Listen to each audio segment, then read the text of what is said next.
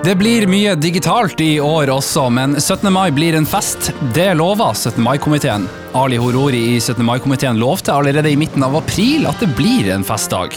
Det blir 17. mai i år også, ikke bare som en dato i kalenderen, men som vanlig som en festdag for å feire Norge og konstitusjonen vår. Med 16 års erfaring fra komiteen presenterte komitéleder Ali Horori programmet for Dagen på rådhuset onsdag denne uka. Fjorårets arrangement ble for det meste gjennomført med videosignaler til de 1000 hjem i Bodø, og en strålende suksess både smittevern teknisk, deltakermessig og publikumsmessig og kulturformidlende.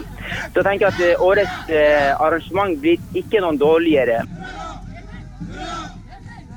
I første koronaår i fjor så var det digitalt skoletog, i år blir det digitalt borgertog. Alle lag og foreninger er oppfordra til å lage korte innslag, som så blir fletta inn i en flere timers sending, ledet av Knut Folkestad og Reidun Kjelling Nybø, som var programledere også i fjor. Sendinga ble en skikkelig suksess, seertallene var på VG-nivå. Dette gjentar vi, sier Ali Horori. Noe av innholdet i år står historieprofessor Steinar Aas for. Han vil prøve å få fram noe om hvilken betydning 17. mai har for et samfunn. Selv om det ikke blir skoletog, borgertog og folkefest i gatene, så blir det slett ikke bare digital feiring. Det blir korps i gatene, flaggheisning og bekransning som vanlig.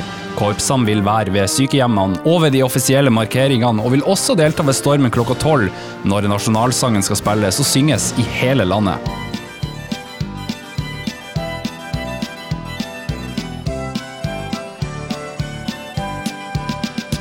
En kjent melodi. Pelle politibil skal igjen kjøre rundt i gatene med onkel Richard Åge Magnussen bak rattet. Pelle politibil har vært pasient sørpå, men nå er han klar til 17. mai, og onkel Richard var lenge bekymra for helsetilstanden til Pelle. Det har jo vært, eller jeg var jo veldig bekymra for helsetilstanden til han Pelle. Det var vel høsten i 2019.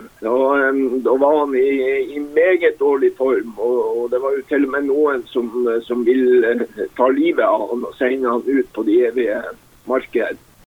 Nå må dere kjøre meg.